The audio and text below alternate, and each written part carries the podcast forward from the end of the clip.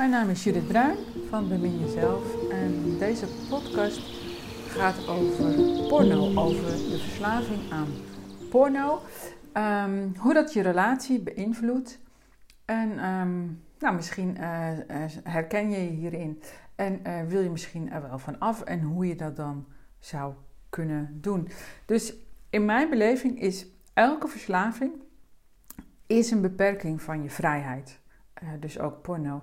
En um, voor mij is vrijheid een hoog uh, goed. En um, aan de ene kant heb je natuurlijk degene die verslaafd zijn aan porno, maar aan de andere kant heb je degene die dat faciliteren. Dus, maar daar komen we nog op terug. Um, waar het me ook om gaat, is dat porno is gewoon ja, schadelijk voor je relatie. En misschien ben je het hier helemaal niet mee eens, of dan vind je het zelfs een fijn hulpmiddel om in de stemming te komen. Maar eigenlijk is porno het kenmerk van een, van een onbeschaafde cultuur.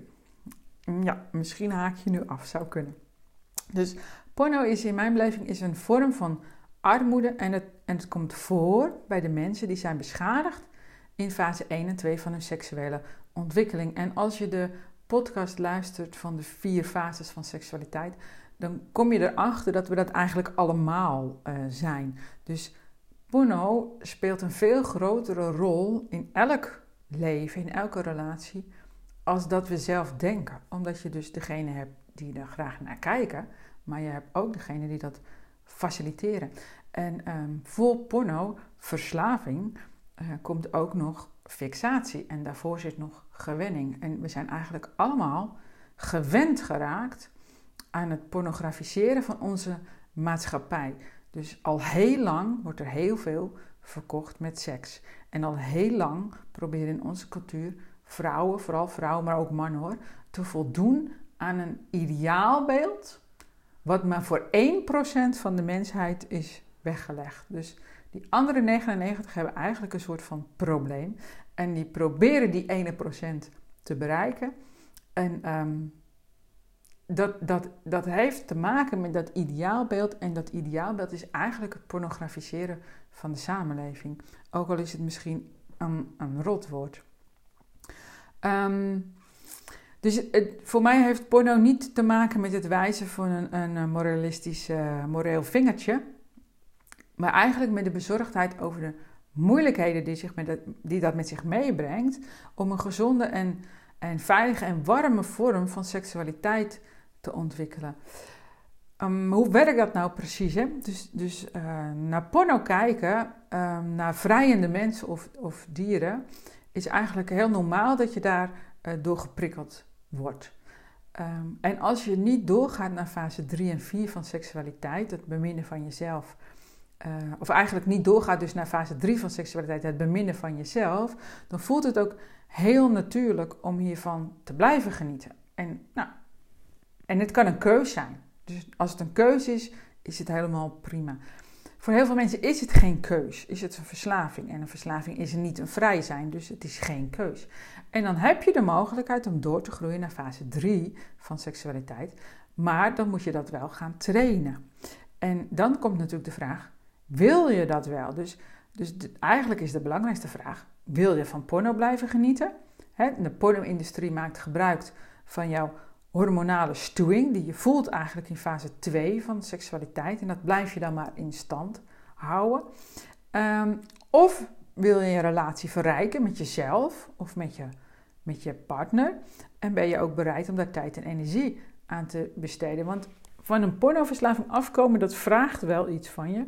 En net als het stoppen met het faciliteren daarvan. Dus hoe werkt porno nou precies? Hè? Dus je kijkt naar een externe bron uh, om je op te winden. Dus het werkt in op je drift en je lust, wat een soort van dierlijk mechanisme heeft. En um, dat is niet goed of fout of zo. Dat is gewoon hoe het werkt. En als je met plezier naar porno kijkt, dan geeft dat gewoon hele fijne sensaties in je geslachtsdelen. Uh, en tegelijkertijd blokkeert het het proces met het experimenteren met elkaar. Dus je hebt niet een levend iemand uh, waarmee je die gevoelens oproept, zeg maar. Dus je laat je opwinden door naaktheid en gespeelde opwinding natuurlijk vaak van een ander, zonder dat je een ander aanraakt. En dat is dus eenrichtingsverkeer. En En waarmee de verbinding tussen je hart en je bekken wordt genegeerd. Dus je raakt de interne verbinding raakt je kwijt. Het gaat een beetje buiten je om. Het gaat gewoon van hoofd, uh, niet door je hart, dus het moet een beetje buiten je lichaam, van hoofd naar genitaliën. Zo kan je er een beetje een beeld bij krijgen. En je raakt die interne verbinding dus met jezelf kwijt, maar dan ook met een ander. En dat is wat uh, porno schadelijk maakt. En dat is wat vaak een partner niet leuk vindt. Dat is wat hij of zij voelt.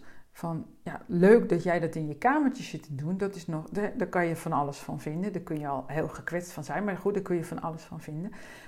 Maar je neemt het mee. Want je bent jezelf steeds aan het trainen om uh, opwinding te voelen, om, om seks te hebben, om ontlading te hebben, zonder verbinding met je hart. En het is een beetje te vergelijken met ehm, als je uh, rookt, ben je natuurlijk ook verslaafd, dan uh, om de zoveel tijd doe je even 10 minuten zo'n sigaretje of 5 minuten, weet ik niet. En daarmee train je je lichaam om, om heel oppervlakkig adem te halen. Dus het is een soort van training wat je steeds doet. En daarmee creëer je een soort van constante hyperventilatie, zonder dat je dat zelf door hebt, want je bent er helemaal aan gewend. En dat gaat natuurlijk ook geldt bij porno. Dus je bent jezelf steeds aan het trainen om genot te voelen en om te ontladen, zonder dat je hart daarbij te pas komt. Nou, en dan kun je misschien kun je denken, nou, dat bevalt mij wel, het is lekker makkelijk, uh, zonder hart. En dat mag. Je mag hier gewoon van uh, genieten natuurlijk. Niet alleen van mij, maar je bent een vrij mens. Nou ja, verslaafd, dus misschien niet helemaal vrij. Maar je hebt een vrije wil en je mag, je mag gewoon doen wat je wil. Dus daar gaat het ook niet om.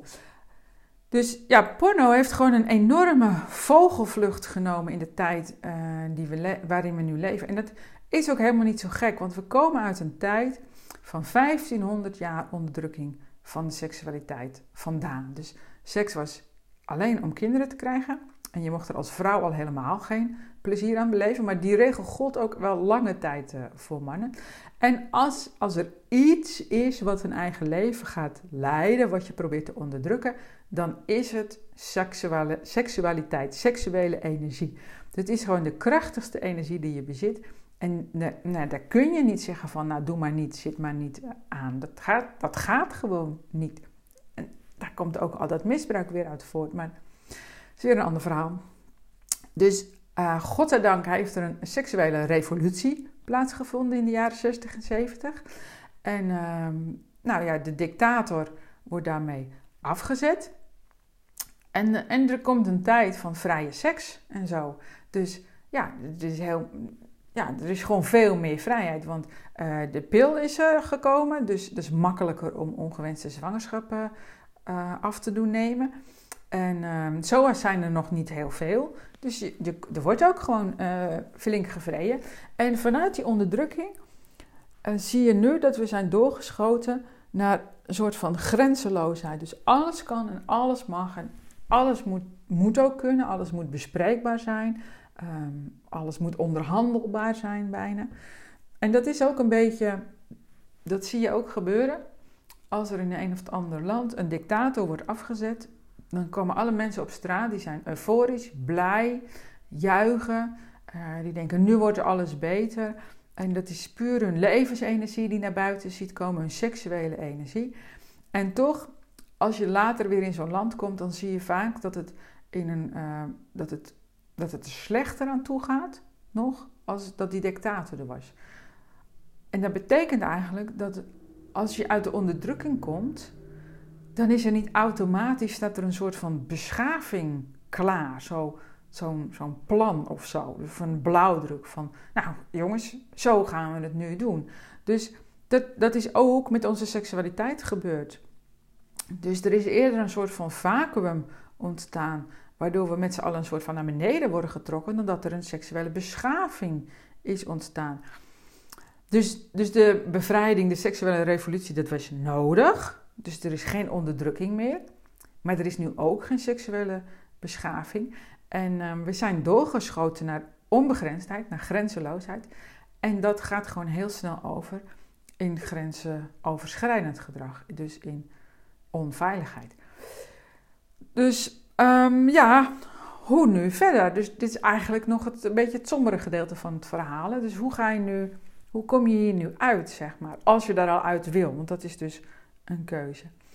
Dus onderdrukking en um, onbegrensdheid, dat zijn twee uitersten. En eigenlijk is het nooit zo slim om een van die uitersten te willen. Dus het polariseren van, van alles en nog wat en op dit moment ons, ook onze samenleving, dat is gewoon niet slim. Dat leidt nergens toe eigenlijk. Je krijgt een soort van twee kampen. Die gaan roepen, ja maar dit is goed, ja maar dit is ook goed. En, uh, ik ben beter, ja ik ben het best. En uh, je krijgt alleen maar ruzie. En er komt weinig constructiefs meer uit. Dus wat mooi zou zijn, is als je een soort van middenweg gaat lopen. En daarmee bedoel ik niet dat je maar water bij de wijn moet doen. Want dan, dat leidt in mijn beleving ook niet tot zo heel veel constructief iets. Dat iedereen maar een beetje, nou ja, samenkomt. En, uh, en, en het is ook niet echt een duidelijk plan, zeg maar. Want dat doe je allebei niet wat je graag uh, wil. Dus ook niet in een relatie, zeg maar. Um, maar wat wel een, een middenweg is, dat is vrijwillige begrenzing. En daarmee neem je je eigen lichaam als uitgangspunt, als eikpunt. En vanuit je eigen lichaam ga je voelen van binnen: ik ben veilig. Waar is het veilig? Hoe wordt het veilig? Uh, hoe veilig ben ik? En dat doe je door het trainen van je seksuele energie. Nou, daar kom ik toch altijd weer op terug. Dus hoe train je jezelf nou veilig? Hoe maak je jezelf een veilig wezen?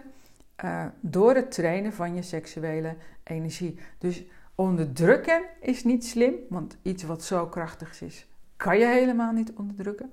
Maar iets uh, grenzeloos laten worden, dus gewoon een hele andere kant van de medaille, um, is vaak ook niet zo slim. Want het mag wel, bedoel, het is niet verboden of zo. Je mag echt doen wat je wil.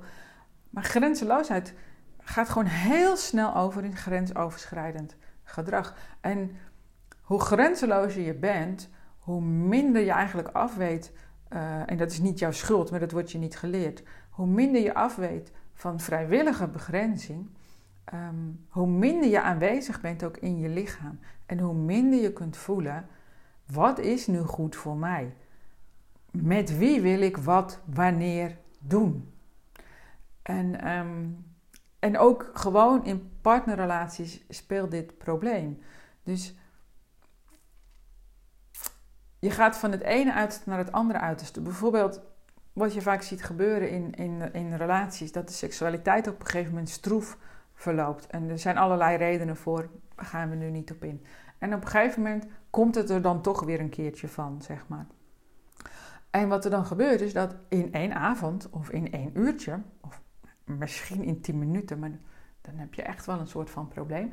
Um, ga je van sluier 1 tot en met 7. Je 7. Uh, beetje dialect. Um, je, je opent al die sluiers in een heel korte tijd, terwijl in al die sluiertjes zit te scheuren. En nu kom ik ineens weer bij die sluiers, ik weet het. En uh, dat kan ik niet uh, allemaal uitleggen, maar daar heb ik een podcast over. Dus ga ook de podcast van de Zeven Sluiers luisteren als je dat interessant vindt.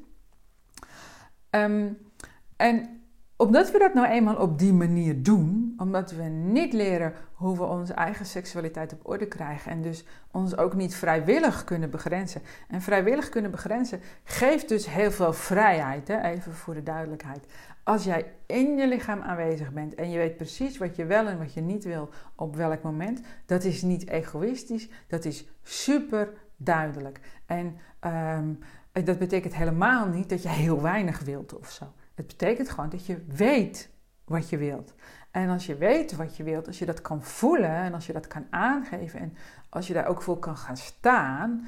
En uh, niet dat als je je grens hebt aangegeven en een ander gaat er overheen, dat je dan alsnog denkt, nou ja, doe maar. Of zo hoort het of zo. Of ja, ik heb het toch gezegd en als die ander niet naar luistert, ja, dan kan ik, dan kan ik niks anders meer. Dat, dat is het niet. Dus je, je, vrijwillig begrenzen betekent enorm veel vrijheid creëren. Het, dus het is, het is juist die, die paradox die het zo interessant maakt, zeg maar. Dus het, gaat om vrijwillige begrenzing en dat leidt tot vrijheid. Maar ik snap dat dit ook een beetje abstract kan klinken. En, en dat, dat geloof ik, of dat, dat snap ik ook weer. Want het is een kracht in jezelf die je laat ontstaan. En dat is heel moeilijk om die te vertellen als je, om het daarover te hebben, als je die niet in jezelf voelt. Ehm, en, en misschien is het nog het meest vergelijkbaar dat soms, soms kan boosheid heel constructief zijn. Dus uh, ja, domweg kwaad zijn op de wereld heeft vaak niet zoveel zin. Hè? Dan, dan ben je wel boos, maar eigenlijk gaat al je energie verloren. En mensen gaan je ook nog mijden. Dus, dus niet, misschien niet zo slim, maar wel begrijpelijk. Maar stel je voor dat je een, een kind hebt en je kind wordt aangevallen.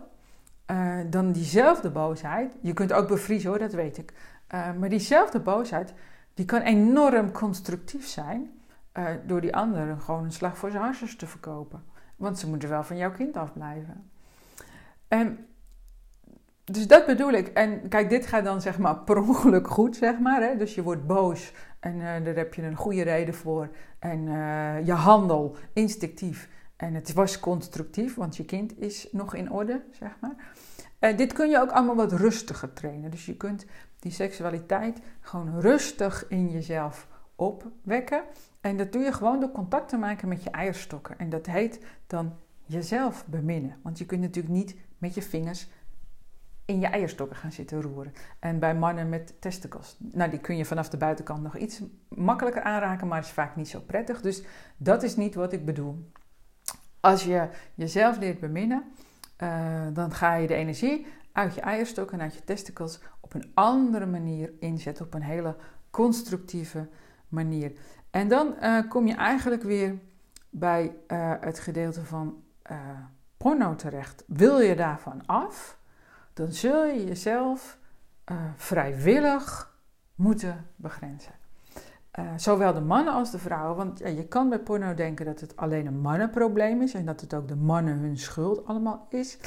Maar dat is niet helemaal waar misschien. Want, want porno kan alleen ontstaan als het ook gefaciliteerd wordt. En nou, daar zijn ook heel vaak vrouwen bij uh, betrokken. En zo'n zo'n pornoverslaving gebeurt dus eigenlijk in drie stappen. Bij zowel de mannen als de vrouwen. Of eigenlijk al uh, bij jongens en meisjes. Dus eerst heb je uh, gewenning. Dus we accepteren als maatschappij, als cultuur, dat we met z'n allen op een bepaalde manier naar jongens en meisjes kijken. En we delen ze ook andere eigenschappen toe. En dat kun je goed of fout vinden, dat maakt niet uit. Maar een paar van die eigenschappen kunnen misschien niet helemaal meer. Um, zijn niet zo uh, constructief, zeg maar. Dus als je van jongs af aan zegt tegen jongens dat ze stoer moeten zijn, dat ze niet mogen huilen en dat ze geen watje mogen zijn, uh, dan verbreken ze de verbinding met hun hart. Niet helemaal natuurlijk en ook niet bewust, zeker niet bewust. Uh, maar het niet tonen van je gevoelens, dat kan. Alles kan en alles heeft een prijs. En dan, ja, dan trek je je dus terug uit je hart. Er is best wel een mooi liedje over, over, het, over het houten hart. De dames voor hebben het alvast. Uh, nou, dat weet ik niet meer. Maar ik vind het een mooi liedje. Dus, dus het hart uh, is van hout geworden. En um, nou ja, dan kun je zeggen, nou dat, dat is niet waar. Maar heel veel jongetjes uh, willen gewoon nagelak. Uh, en op Spaanse hakken naar school. Niet allemaal natuurlijk, maar heel veel wel. En dat zijn gewoon een soort van, ja, echte jongetjes, als ik het zo mag zeggen. Maar die vinden dat leuk om daarmee te spelen, om dat uit te proberen. Er wordt toch nog steeds door heel veel vaders ook raar tegenaan gekeken. En die, die, staan dat niet toe te juichen. Ze, ze, staan het misschien toe, maar ze staan het in mijn omgeving niet uh, toe te juichen. En andersom geldt nog steeds dat we meisjes, vrouwen opvoeden dat ze lief en gewillig moeten zijn en er mooi uit moeten zien, maar niet te uitdagend, want dan ben je een slet. Um, maar je moet wel, wel mooi zijn. Um, dat, er is gewoon een bepaald ideaalbeeld waar we willen dat mensen aan voldoen. Nou ja, um, en ja, zolang er in onze samenleving sowieso meer aandacht voor de buitenkant is uh, dan de binnenkant, is dat misschien ook niet zo gek.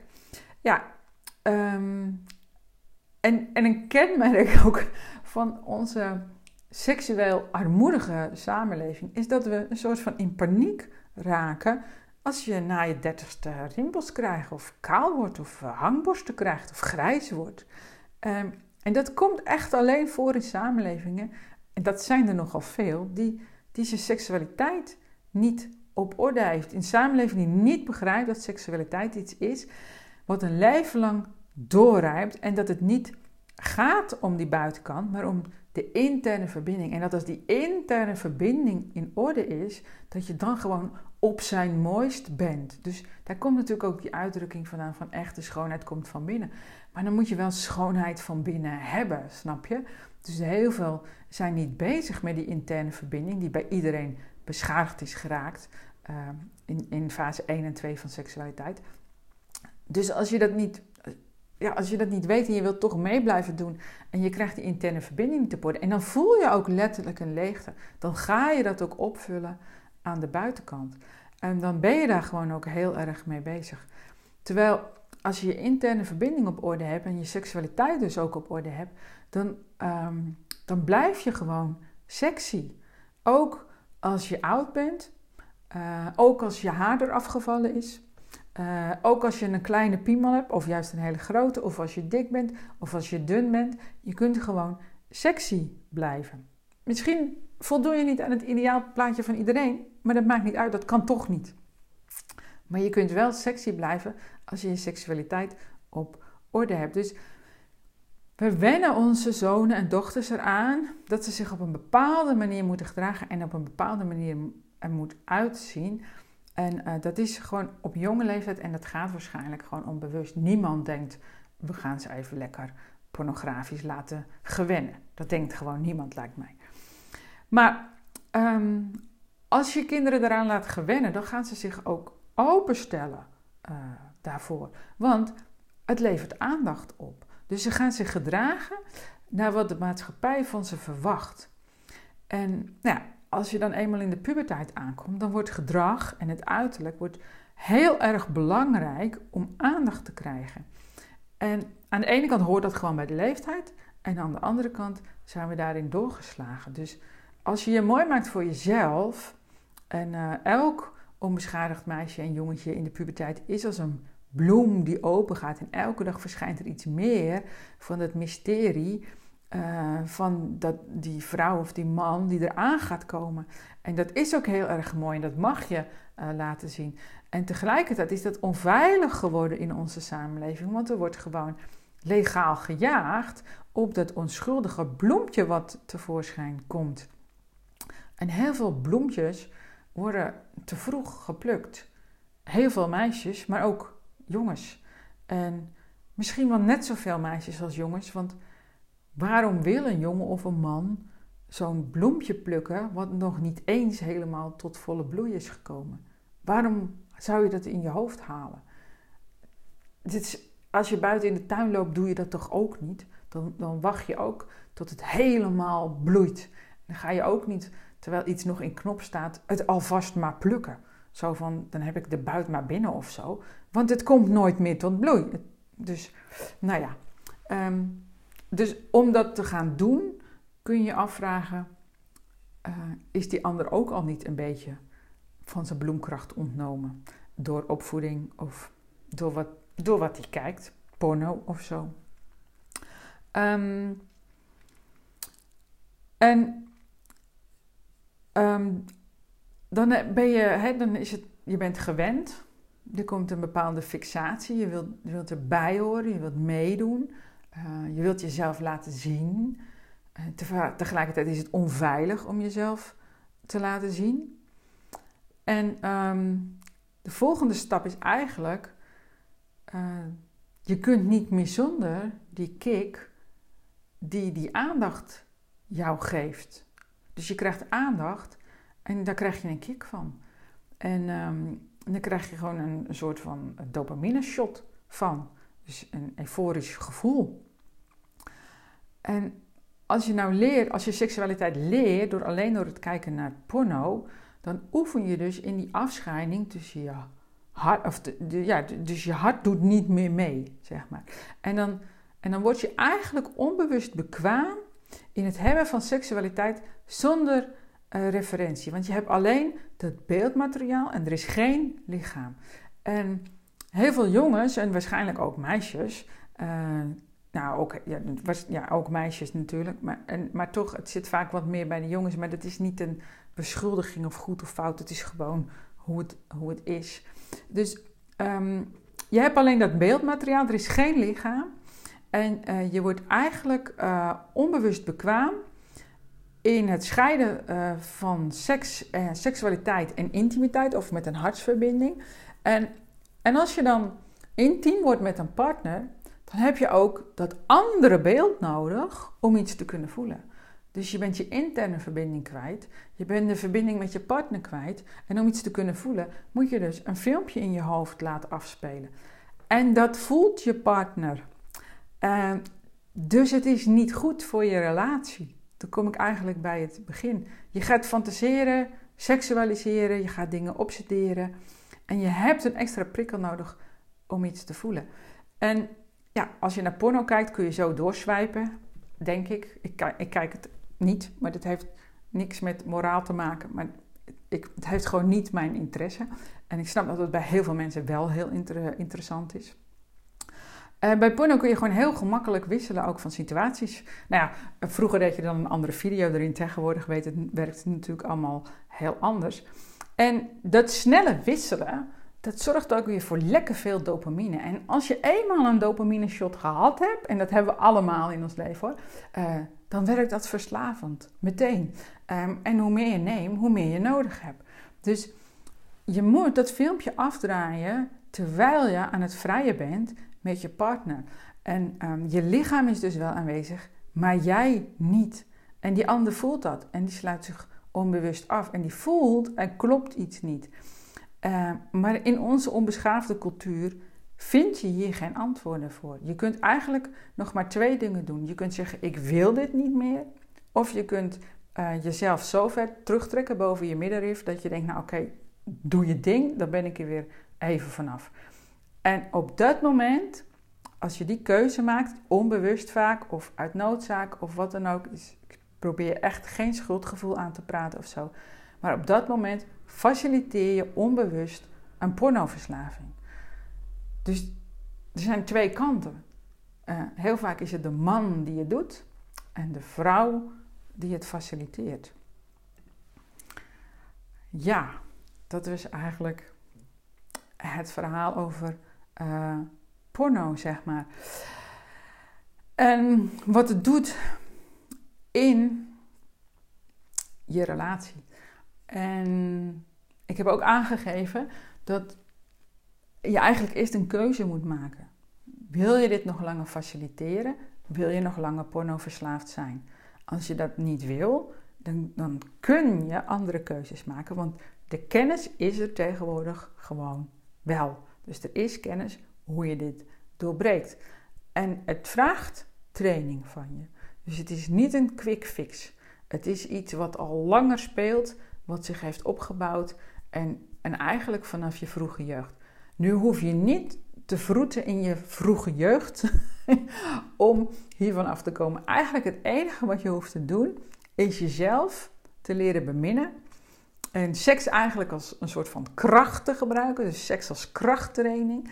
En het op een andere manier door je lichaam te laten stromen, op een hele constructieve manier. Want zelfs als je met porno bezig bent, ben je eigenlijk bezig met het maken van kinderen. Oké, dat, dat zaad kan natuurlijk niet door, die, uh, door, die beeld, uh, door dat beeldscherm heen. Dat snap ik ook wel. Uh, en tegelijkertijd is dat wat je aan het doen bent. Je ziet, je ziet borsten, je ziet een taille en je ziet een heupen. En je denkt, oh, dat is drie keer mooi. Dat, kan prima mijn kind in.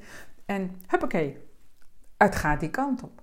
Um, en er is dus, dat is een vorm van seksualiteit. Dat is, dat is fase 1 en 2 van seksualiteit. En die is ook nodig. Er is niks mis mee. Die, dus voortplantingsseksualiteit is nodig, anders zouden we uitsterven. Ik weet het, er zijn echt genoeg mensen, maar theoretisch zouden we kunnen uitsterven als dat niet meer bestaat. Uh, en de andere kant is, er is nog een vorm van seksualiteit. En dat gaat over het transformeren van jouw seksuele energie. En dat is dus transformatieseksualiteit. Alleen dat is niet zo'n heel erg sexy woord. Dus um, jezelf beminnen klinkt dan een stuk beter. En uh, seks als krachttraining klinkt ook misschien wel goed voor de mannen. En dat is dus wat er mogelijk is. Omdat seksuele energie is de meest krachtige energie die jij hebt. Dus uh, Als je die nu anders leert sturen, als je nu denkt, nou ik ben klaar met die pornoverslaving en het is zeker niet iets wat ik wil doorgeven aan mijn kinderen, of ik ben klaar met het faciliteren van die porno en ik wil dit al helemaal niet doorgeven aan mijn dochters, maar mijn zonen moeten ook uh, beter weten, dan heeft het weinig zin om dat tegen je kinderen te zeggen. Um, voordat ik al deze kennis had, zeg maar, en toepaste, kwam ik ook niet verder als dat ik tegen mijn kinderen zei: Ja, porno is niet hoe het echt is hoor. Maar hoe dan wel, kon ik niet aangeven. Simpelweg omdat die kennis ontbrak. En die is dus gewoon uh, voorhanden. Uh, kijk gewoon eens op mijn site www.beminjezelf.nl. En uh, mocht je vragen hebben, mail me naar Judith apenstaartje. Judith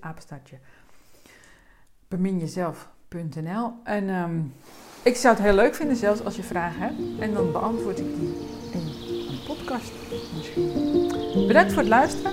Mijn naam is Judith Bruin van Bemin Jezelf.